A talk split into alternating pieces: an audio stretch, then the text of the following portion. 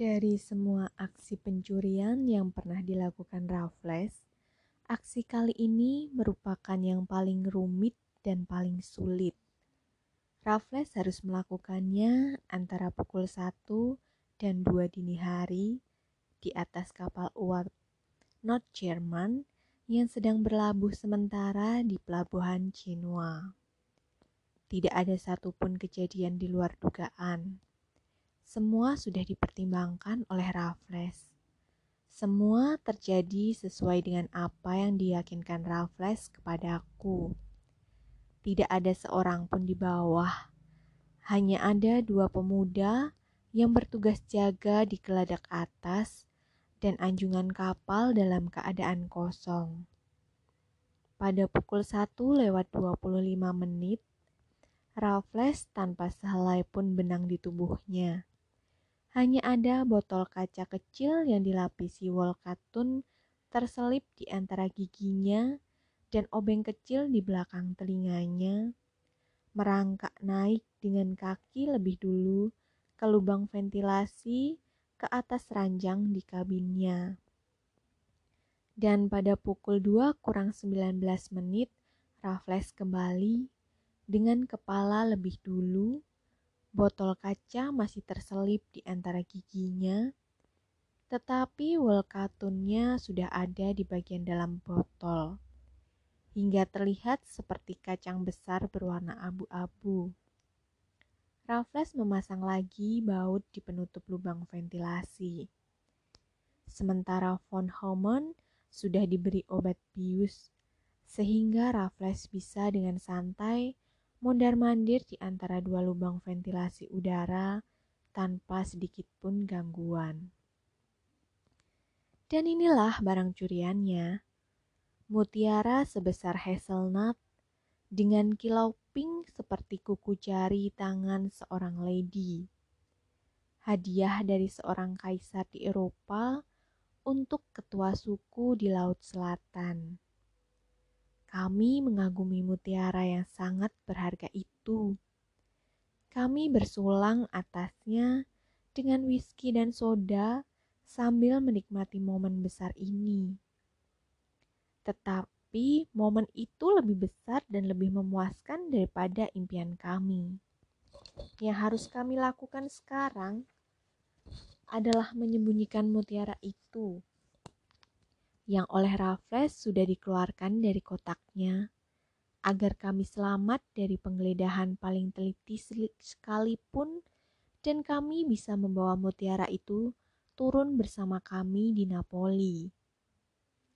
Aku sendiri lebih suka melarikan diri saat itu juga, bersembunyi di Genoa sampai situasi aman.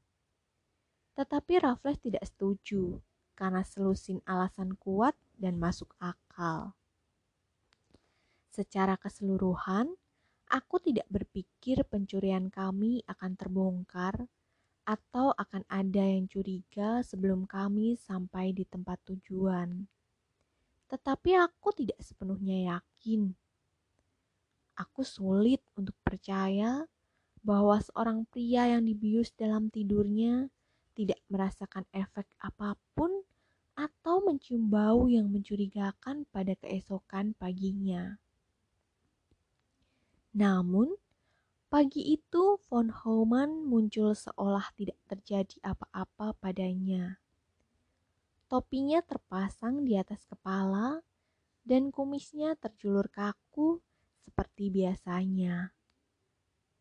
Pada pukul 10 pagi, kami berlayar pergi dari Genoa Petugas pelabuhan sudah meninggalkan geladak kami. Pedagang buah terakhir sudah diusir dengan menyiramkan seember penuh air, dan ia mengumpat kami dari atas perahu kecilnya. Penumpang terakhir sudah naik ke atas kapal dengan tegopoh-gopoh. Seorang pria berjenggot abu-abu yang membuat kapal kami menunggu selama ia tawar-menawar harga dengan pemilik perahu yang membawanya ke kapal. Namun, akhirnya kami berlayar pergi meninggalkan pelabuhan Genoa dan melewati mercusuarnya. Aku dan Raffles bersandar di pagar geladak, mengamati bayangan kami di atas permukaan air laut yang terlihat seperti marmer cair yang dibelah oleh badan kapal. Von Hauman mencoba mendekati Amy Werner lagi dan sudah menjadi bagian dalam rencana Raffles bahwa ia akan menjauh dari gadis itu sepanjang hari untuk mengalihkan perhatian von Hauman. Meskipun Amy Werner terlihat bosan dan tidak henti-hentinya menoleh ke arah kami, Raffles sepertinya tidak peduli. Raffles justru terlihat tegang dan gelisah. Tidak ada aura kesuksesan yang terpancar darinya. Aku menduga Raffles hanya merasa berat untuk berpisah dengan Amy Warner begitu kami tiba di Napoli. Raffles tidak bicara padaku, tetapi juga tidak membiarkanku pergi. Tetaplah di tempatmu sekarang, Bani ada sesuatu yang harus kukatakan kepadamu. Apakah kau bisa berenang? Sedikit. Sepuluh mil? Sepuluh? Aku tertawa terbahak-bahak. Aku bahkan tidak sanggup berenang sejauh satu mil. Mengapa kau menanyakannya? Kita mungkin harus berenang sejauh sepuluh mil menuju ke pantai. Apa sebenarnya maksudmu, Raffles? Tidak ada. Kita mungkin harus berenang jika hal yang tak ter yang terburuk terjadi. Tapi apakah kau sama sekali tidak bisa berenang di bawah air? Aku tidak menjawab pertanyaannya. Aku hampir tidak mendengarnya. Keringat dingin bercucuran di tubuhku. Mengapa bisa sampai terjadi hal yang terburuk? Bisikku. Kita tidak ketahuan, kan? Tidak. Kalau begitu, mengapa kau berbicara seolah kita ketahuan? Kita mungkin akan ketahuan. Musuh lama kita ada di kapal ini. Musuh lama kita? Mackenzie. Tidak mungkin. Dia adalah pria berjenggot yang paling terakhir naik ke atas kapal. Apakah kau yakin? Sangat yakin. Aku menyesal kau tidak bisa mengenalinya. Aku mengelap wajahku yang pucat dengan sapu tangan. Setelah sekarang aku memikirkannya lagi, memang ada sesuatu yang tidak asing dengan pria itu. Ada aura muda dalam penampilannya yang seperti kakek tua. Jenggotnya terlihat palsu, dan sekarang aku menyadari siapa sebenarnya dia. Aku menoleh ke sekeliling geladak, tetapi Mackenzie tidak terlihat di mana pun. Itulah hal yang terburuk, ujar Raffles. Aku melihatnya masuk ke kabin kapten sekitar 20 menit yang lalu. Tapi apa yang membuatnya sampai datang ke sini? Teriakku dengan putus asa. Tidak mungkin hanya sekedar kebetulan. Apakah dia sedang mengejar orang lain? Kali ini tidak. Kalau begitu, kau berpikir dia datang untuk mengejarmu? Itulah yang kutakutkan selama beberapa minggu terakhir ini. Tapi kau tetap berdiri di sini. Apa yang bisa kulakukan? Aku tidak mau berenang sebelum waktunya. Aku mulai berharap aku mengikuti saranmu, Bani, dan melarikan diri dari kapal ini saat masih berlabuh di Genoa. Namun aku sama sekali tidak ragu bahwa Mac mengawasi kapal dan juga pelabuhan hingga saat terakhir. Itu sebabnya dia memutuskan untuk naik ke kapal ini. Raffles mengambil rokok dan menyodorkan bungkusnya kepadaku, tapi aku menggelengkan kepala dengan tidak sabar. Aku masih tidak mengerti, kataku. Mengapa dia mengejarmu? Dia tidak mungkin datang jauh-jauh ke sini hanya untuk mutiara yang dia tahu tersimpan dengan aman. Apa teorimu? Aku rasa dia memang sudah melacakku selama beberapa waktu. Mungkin sejak kau selepas dari cengkramannya bulan November lalu. Ada indikasi lain yang menguatkan dugaanku itu. Harus kuakui bahwa aku tidak sepenuhnya terkejut dengan situasi ini. Tapi mungkin ini hanya kecurigaanku saja. Aku menantangnya untuk membawa pulang sesuatu. Dan aku menantangnya untuk menemukan mutiara itu. Teoriku, Bani, aku tahu bagaimana dia bisa sampai ke sini. Seyakin jika aku berada di dalam pikiran pria Skotlandia itu. Dan aku tahu apa yang akan dilakukannya kemudian. Dia mengetahui aku pergi berlayar dan dia mencari motif dia mendapatkan informasi tentang von Homan dan misinya. Dan itulah motif yang dibutuhkannya. Kesempatan besar untuk menangkapku saat beraksi. Tapi dia tidak akan melakukannya, Pani. Camkan kata-kataku.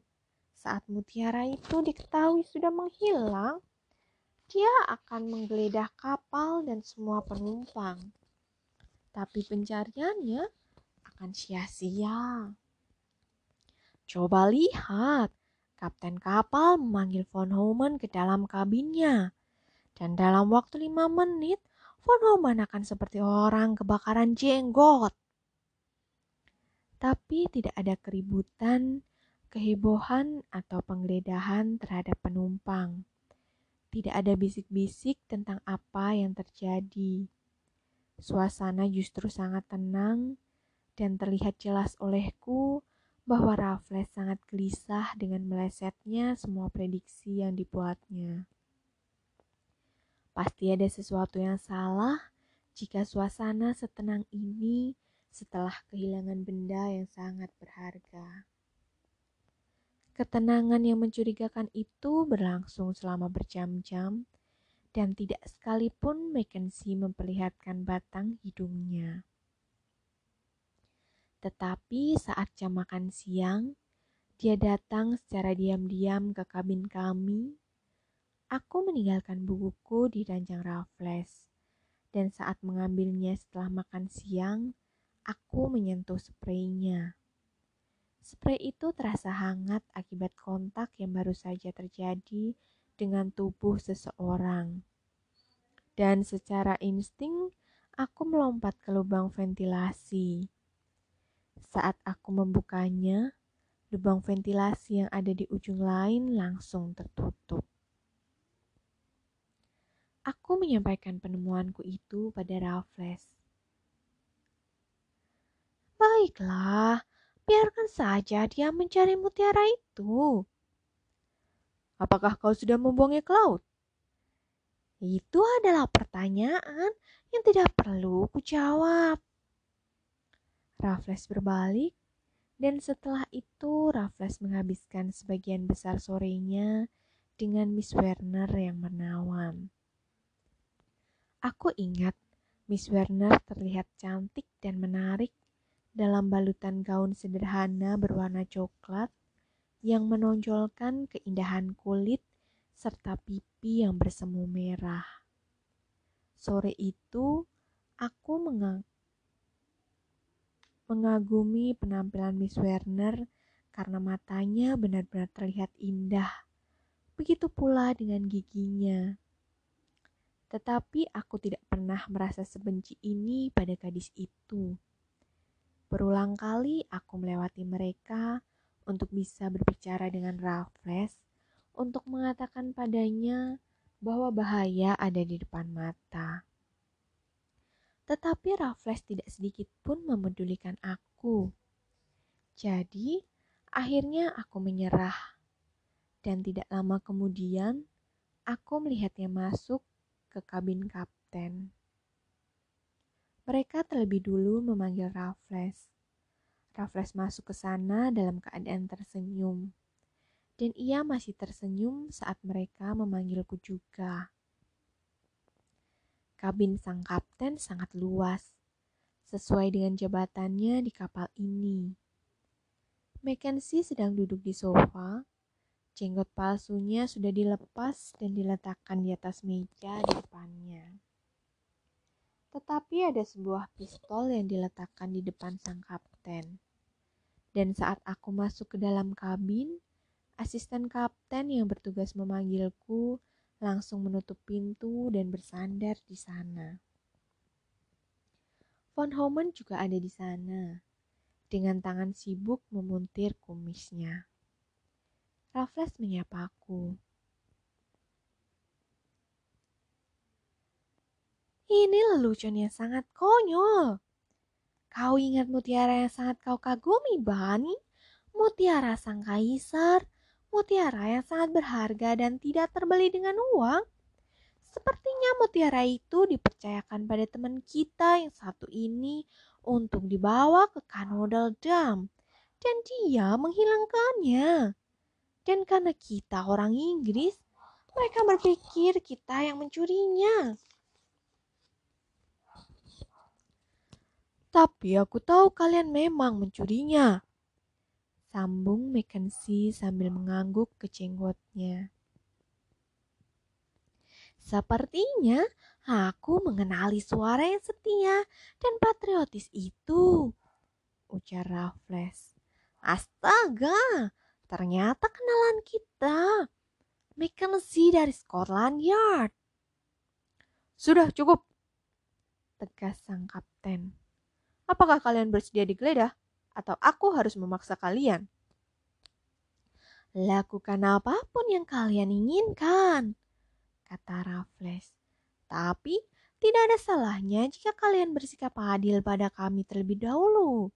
Kalian menuduh kami masuk ke kabin Kapten von Holman pada dini hari tadi dan mengambil mutiaranya yang sangat berharga. Well, aku bisa membuktikan bahwa aku berada di kabinku sendiri sepanjang malam. Dan aku sama sekali tidak ragu temanku ini juga bisa membuktikannya. Tentu saja aku bisa membuktikannya. Tegasku dengan marah. Pemuda yang berjaga di atas kapal bisa menjadi saksinya. Mackenzie tertawa dan menggelengkan kepala pada pantulan wajahnya di meja mahagoni mahogani. Itu sangat cerdas, ujarnya. Dan pasti akan membuatku percaya jika saja aku tidak berada di kapal ini secara langsung. Tapi aku sudah melihat lubang ventilasi yang menghubungkan kabin mereka. Dan aku rasa aku tahu bagaimana kau melakukan aksi pencurianmu. Bagaimanapun juga, kapten, itu tidak penting. Aku akan langsung menangkap kedua pria muda ini. Dan tapi atas dasar apa? Geram Raffles dengan suara tinggi. Dan aku tidak pernah melihat wajah Raffles semarah itu. Geledah saja kami jika kau mau. Cari di setiap lubang dan jahitan yang ada. Tapi kau tidak akan berani menyentuh kami tanpa surat penggeledahan. Aku memang tidak berani, Ujar Mackenzie sambil merogoh saku mantalnya. Dan Raffles ikut merogoh saku mantalnya sendiri. Borgol tangannya! Teriak Mackenzie dan pistol Raffles yang selalu menemani aksi kami tapi tidak pernah ditembakkan di depanku, dilemparkan ke meja dan langsung diambil oleh sang kapten. Baiklah, ujar Raffles pada asisten kapten. Kau bisa melepaskan aku sekarang. Aku tidak akan mencobanya lagi. Nah, Megan sih, coba kita lihat surat penggeledahanmu. Kau tidak akan menyobeknya? Apa gunanya untukku jika aku menyobeknya? Coba aku lihat. Pinta Raffles lagi dan Mackenzie mengabulkannya. Raffles menaikkan sebelah alisnya saat membaca surat itu. Mulutnya menegang, tetapi tiba-tiba berubah santai lagi.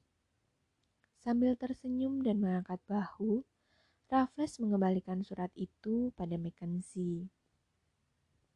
Apakah sudah cukup? Tanya Mackenzie. Mungkin kau ucapkan selamat kepadamu Mackenzie.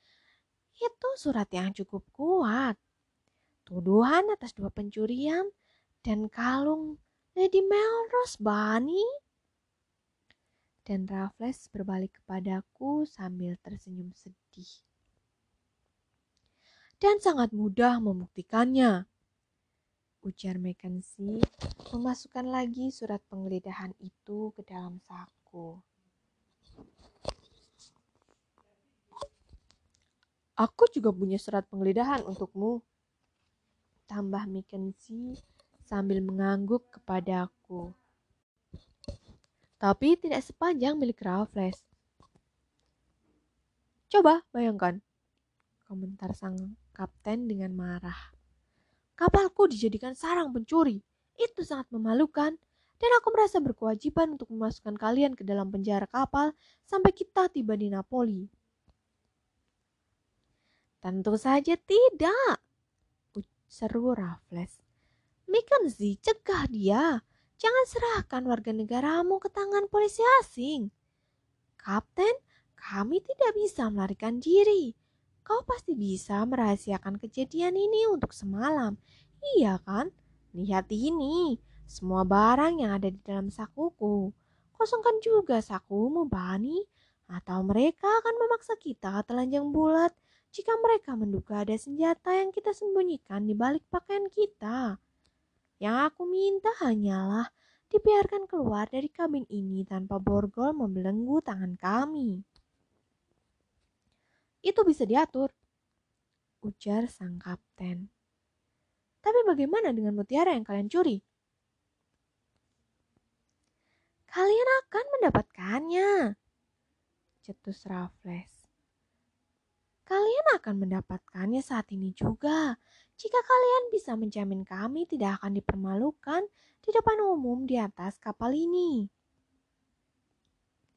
Aku akan memastikannya, janji Mackenzie. Selama kalian bisa menjaga sikap. Nah, sekarang di mana mutiara itu? Di meja yang ada di depan hidungmu. Mataku tertumbuk ke atas meja bersama mata semua orang yang ada di dalam kabin.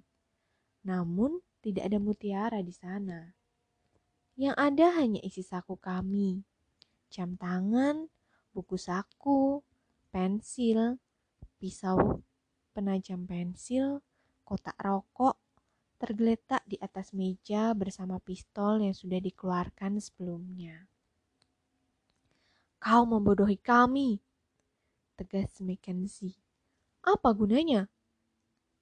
Aku sama sekali tidak membodohi kalian, ujar Raffles sambil tertawa. Aku sedang menguji kalian. Memang apa salahnya? Sekarang bukan waktu yang tepat untuk membuat lelucon. Mutiara itu memang ada di atas meja. Demi Tuhan. Mackenzie membuka kotak rokok dan mengeluarkan isinya. Raffles sempat memohon untuk dibiarkan mengisap sebatang rokok dan saat permohonannya dikabulkan, Raffles mengatakan bahwa mutiara itu sudah lebih lama berada di meja daripada rokoknya. Mackenzie langsung mengambil pistol Raffles dan membuka bagian pangkalnya. Bukan di sana, bukan di sana, ujar Raffles. Tapi kau sudah semakin dekat. Coba periksa tempat pelurunya. Mackenzie mengosongkan peluru ke telapak tangannya dan mengocok masing-masing peluru itu ke dekat telinganya. Tapi ia tidak menemukan apa-apa. Oh, berikan kepada aku. Dan dalam waktu singkat, Raffles berhasil menemukan peluru yang tepat, membuka bagian belakangnya, dan meletakkan mutiara yang dipertanyakan di tengah meja.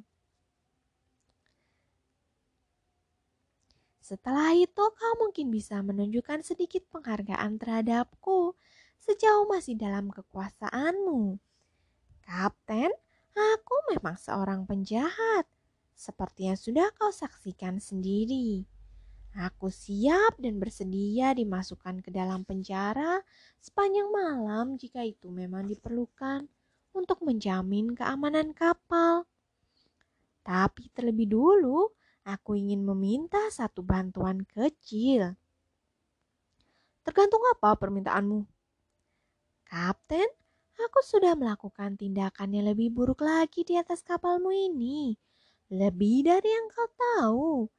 Aku sudah melamar seorang gadis untuk menikah denganku dan aku ingin diberikan kesempatan untuk mengucapkan selamat tinggal padanya. Aku rasa kami semua sama terkejutnya. Tetapi satu-satunya orang yang mengekspresikan keterkejutan itu dengan jelas hanyalah von Human yang umpatan kasarnya menjadi kontribusi pertamanya selama proses penggeledahan ini. Dan dengan cepat umpatan itu diikuti oleh protes von Human atas permintaan Raffles agar diberi kesempatan untuk mengucapkan selamat tinggal kepada Miss Werner. Namun, Raffles memiliki alasan kuat, dan sekali lagi sang pencuri lihai itu berhasil mendapatkan keinginannya. Raffles diberikan waktu lima menit dengan Miss Werner, sementara sang kapten dan Mackenzie berdiri tidak jauh dari mereka, tapi di luar jangkauan pendengaran dengan pistol dalam keadaan siap di belakang pinggang. Saat kami beranjak keluar dari kabin, Raffles berhenti dan mencengkeram tanganku. Jadi, akhirnya aku membuatmu tertangkap, Pani. Akhirnya yang paling kau takutkan benar terjadi. Andai saja kau tahu betapa menyesalnya aku, tapi kau tidak akan dihukum berat. Aku bahkan tidak yakin kau akan dihukum sama sekali. Bisakah kau memaafkan aku? Kau tahu, kita mungkin tidak akan bertemu lagi selama bertahun-tahun atau bahkan mungkin selamanya. Kau selalu menjadi teman yang baik untukku di saat-saat sulit. Suatu hari nanti, kau mungkin tidak akan merasa terlalu menyesal saat mengingat bahwa kau telah menjadi teman yang baik untukku sampai akhir. Ada sesuatu di balik tatapan mata Raffles yang bisa kupahami dengan sangat baik. Aku mengertakkan gigiku dan menyiapkan mentalku. Saat aku meremas tangan kuat itu untuk yang terakhir kalinya dalam hidupku. Adegan yang terakhir itu akan selalu kuingat, bahkan sampai aku mati. Bagaimana aku melihat setiap detailnya, setiap bayangannya di geladak yang terpapar sinar matahari. Kami berada di antara pulau-pulau kecil yang tersebar di antara Genoa dan Napoli. Pulau Elba berada tidak jauh dari tempat kapal kami berlayar dengan sinar matahari memantulkan cahaya keunguan di atasnya. Kabin kapten dalam keadaan terbuka dan tergela dan geladak atas yang terpapar sinar matahari hanya berisikan sekelompok orang, termasuk aku, gadis pucat bergaun coklat dan Raffles. Pertunangan, aku tidak mempercayainya bahkan hingga saat ini. Tapi mereka berdiri di sana, dan kami tidak bisa mendengar satu kata pun yang mereka ucapkan. Mereka berdiri di bawah sinar matahari yang akan terbenam di balik pulau Elba, mengirimkan bayangan panjang yang hampir mencapai kaki kami. Tiba-tiba saja, dengan cepat dan mendadak, aksi itu dilakukan aksi yang aku sendiri tidak tahu apakah harus kukagumi atau kubenci. Raffles menarik Miss Werner mencium gadis itu di depan kami semua, kemudian mendorong gadis itu menjauh hingga nyaris terjatuh di lantai geladak. Kejadian itu membuat semua orang terpengerangah dan terpaku. Asisten kapten menghambur ke arah Raffles dan aku menghambur ke arah asisten itu. Raffles sudah ada di tepi pagar geladak. Tahan dia, Bani! Teriak Raffles. Tahan dia sekuat tenaga. Dan saat aku mematuhi perintah Raffles yang terakhir, dengan segenap kekuatanku tanpa memikirkan apa yang sedang kulakukan selain itu adalah permintaan Raffles kepadaku. Aku melihat tangan Raffles terangkat ke udara dan kepalanya tertunduk. Lalu dengan cepat tubuh Raffles membelah cahaya senja dan Raffles melompat ke laut seindah dan setepat seperti jika ia melompat indah di kolam renang apa yang selanjutnya terjadi di Geladak, aku tidak bisa mengatakannya karena aku tidak ada di sana. Hukuman akhirku, waktu panjang yang kuhabiskan di penjara, kehancuran abadiku bukan sesuatu yang layak untuk diceritakan. Selain untuk menegaskan bahwa akhirnya aku ditinggalkan seorang diri.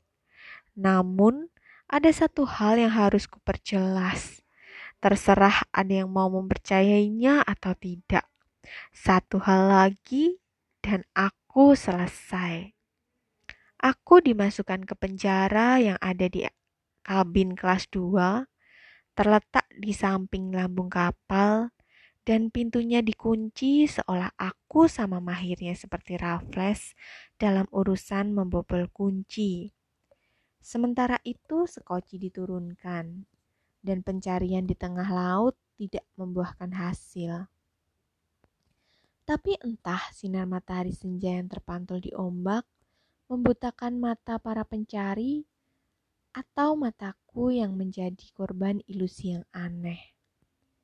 Sekoci sudah kembali tanpa membawa apa-apa, dan sang tawanan mengintip melalui lubang jendela ke permukaan laut yang diterangi sinar matahari senja, yang ia yakini telah menelan jasad teman baiknya untuk selamanya. Tiba-tiba saja matahari tenggelam di balik pulau Elba. Sinarnya ditelan tanpa jejak, dan di kejauhan yang berjarak, berjarak bermil-mil jauhnya, entah mataku menipuku atau aku memang benar-benar melihat titik gelap yang muncul di tengah langit abu-abu. Trompet tanda makan malam sudah dibunyikan.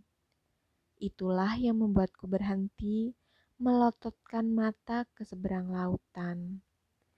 Dan aku kehilangan apa yang kutemukan. Harapan yang sempat tumbuh sudah tenggelam lagi dan sekarang aku sudah menyerah sepenuhnya. Namun, titik itu muncul lagi, berdansa di tengah langit abu-abu di kejauhan, bergerak ke arah Pulau Elba, di balik langit barat yang memudar dengan semburat keemasan dan merah. Dan malam datang sebelum aku tahu itu kepala manusia atau bukan.